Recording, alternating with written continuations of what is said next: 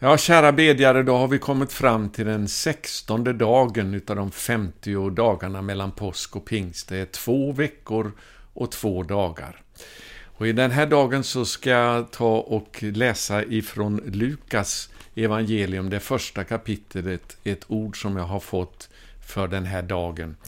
Det handlar om när ängeln Gabriel kom på besök till Nasaret och eh, uppenbarade sig för den unga flickan Miriam, eller Maria som vi säger, men hon var ju judinna, hennes riktiga namn var egentligen Miriam. Så eh, ängeln berättar i alla fall för Maria här då att hon ska bli havande och föda en son som ska bli eh, efterträdare, få sitta på Davids tron i all evighet för att styra eh, över hela världen. Kan tänka dig vilken otrolig eh, chock närmast det måste ha varit för Maria. Så i vers 34 här så ställer Maria en fråga till henne, för hon var ju inte ens gift. Hon, skriver, eh, hon säger så här, Maria sa till ängeln, hur ska detta kunna ske? Ingen man har rört mig. Vers 35. Ängeln svarade henne, och lyssna här, den helige ande ska komma över dig, och den högstes kraft ska vila över dig. Därför skall också barnet kallas heligt och Guds son. För många år sedan så läste jag en bok av den välkände bibelläraren Arthur Wallace, där han säger att eh, Guds svar på alla våra frågor av hur är alltid ett och densamma, den helige Ande. Hur ska vi kunna få se en förändring i våra länder? Hur ska vi kunna få se en förändring i våra egna liv, i våra församlingar? Hur ska vi kunna få se skaror bli frälsta och komma till tro? Svaret är ett och detsamma. Den helige Ande ska komma över oss och kraft ifrån den högste ska vila över oss, ja, det är då vi kan bli det Gud har tänkt att vi ska vara. Och det är det här vi ska be om under de här 50 dagarna och ivrigt längta efter. Och vi har ju löftet i Lukas kapitel 11 och vers 13, där Jesus säger så här om ni som är onda förstår att ge era barn goda gåvor, hur mycket mer skall då inte er fader i himlen ge den helige Ande åt dem som ber honom? Pris för Gud för det han har gjort redan i våra liv, för det som redan sker idag i vårt land. Men vänner, det är så mycket mer Gud har tänkt och det är så mycket mer han behöver göra med oss och genom oss för att vi ska få ske, eh, se en förändring i våra länder. Och därför så ska vi be att den heliga Ande ska komma över oss på ett nytt sätt och vi ska längta efter det under de här 50 dagarna mellan påsk och pingst. Vi kallar ju den här bönesatsningen nu för blod och eld. Därför att det är utifrån blodets grund, utifrån det som hände på korset och uppståndelsen ifrån de döda, det nya livet som vi har fått genom pånyttfödelsen, som vi kan få vara, eh, ta emot den heliga Andes fullhet över våra liv. Jag ska läsa Romarbrevet 12 och vers 1 här och säga lite grann om de här offren som bars fram under påsken och pingsten, för det har någonting att lära oss allesammans. Paulus skriver, så förmanar jag nu er bröder vid Guds barmhärtighet att frambära era kroppar som ett levande och heligt offer som behagar Gud, er andliga gudstjänst. Och anpassa er inte efter den här världen, utan låt er förvandlas genom sinnets förnyelse, så att ni kan pröva vad som är Guds vilja, det som är gott och fullkomligt och som behagar honom. Ja, den här förvandlingen, det är den vi ska be om under de här 50 dagarna, så att vi kan få bli ett heligt offer som är välbehagligt för Gud, som han kan kröna med den helige Andes eld och kraft. För han har kommit för att döpa oss i helig ande och eld. Och känner du som jag så, även om vi har vandrat med Herren under en lång tid, vi behöver få uppleva mer utav den heliga Ande i våra liv. Det finns någonting vi har att lära utav de här eh, offren som bars fram under påsken och pingsten. Det är så att det här förstlingskärven som vi har talat om, som på hebreiska går under namnet omern, som man bar fram dagen efter sabbaten, det var ju då uppståndelsen ägde rum. Och Petrus skriver i sitt första brev att genom eh, vår Herre Jesu Kristi uppståndelse så har vi blivit födda på nytt. Och det offret som man bar fram då på påsk, påsken och som symboliserar uppståndelsen, det var ett väldigt unikt offer Därför att det, och det är det här som kallas för åmen då. Därför att det är det enda utav alla matoffren i Bibeln som bestod utav korn, kornmjöl.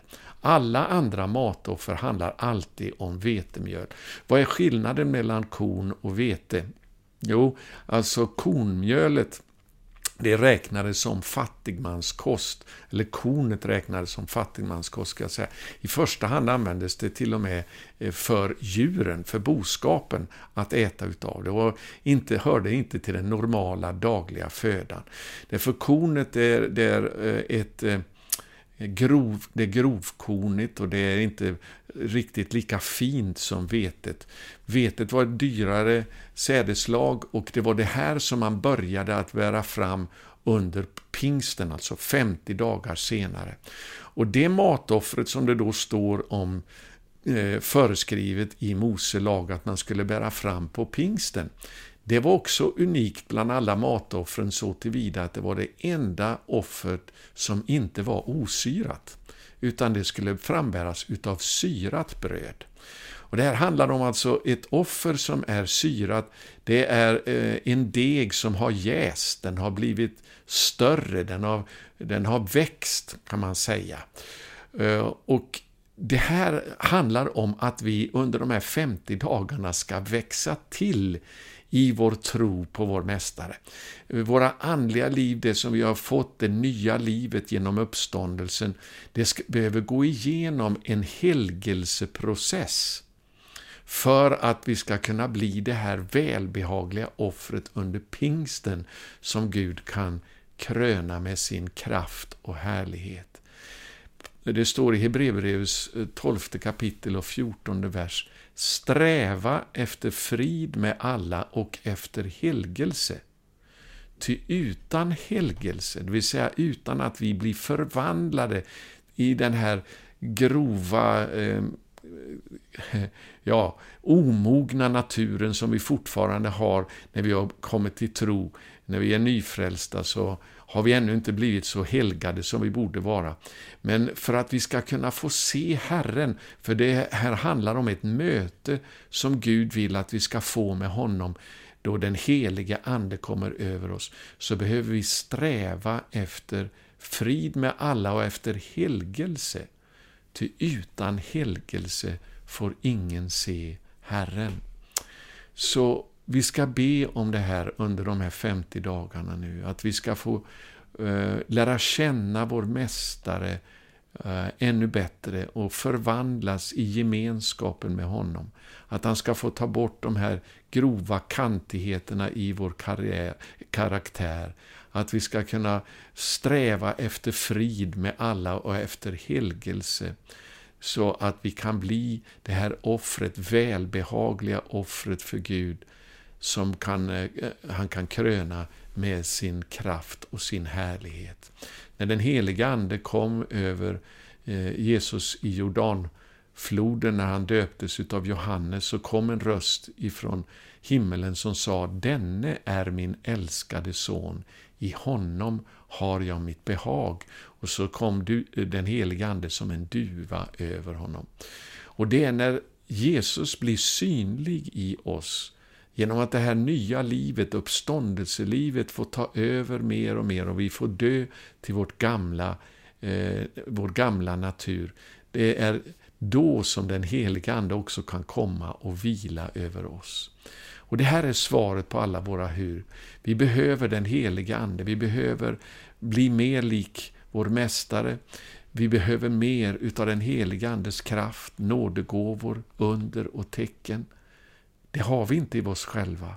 Vi behöver den heliga Ande. Vi ska längta efter det, vi ska be om det, om en ny utgjutelse eh, av hans kraft och eld över våra liv. Låt oss avsluta här med att be tillsammans. Far, jag tackar dig för den här dagen som vi har fått, då vi får söka ditt ansikte, Eh, åkalla dig medan du är nära. Vi längtar efter att få gå igenom den här helgelseprocessen, där du för oss ifrån härlighet till härlighet, ifrån kraft till kraft, ifrån tro till tro, Precis som lärjungarna fick vara med om under de 50 dagarna i gemenskapen med den uppståndne. Hur de började i svaghet, misslyckande, uppgivenhet, rädsla, men förvandlades allt mer. Herre, vi längtar efter att få träda fram inför dig i Sion, gå, genom att vi går från kraft till kraft så att den heliga Ande kan komma över oss på ett helt nytt sätt. Så att världen kan få se dig i våra liv och att vi kan få göra de gärningar som du har kallat oss till att göra. Samma gärningar som du, Jesus, gjorde när du vandrade här på jorden. Det vill du att vi ska också få vara med om. Vi vill inte släppa dig med mindre än att du kommer över oss med din heliga Andes kraft. Välsigna varje bedjare idag att få möta med dig eh, i bönen, i bönekammaren. Tack för att du är där för att lyssna på varje rop, varje längtan ser du i våra hjärtan. Och du har lovat att svara på våra böner när vi ber om den helige Ande. Vi tackar och prisar dig för det i Jesu namn. Amen. Gud välsigne dig.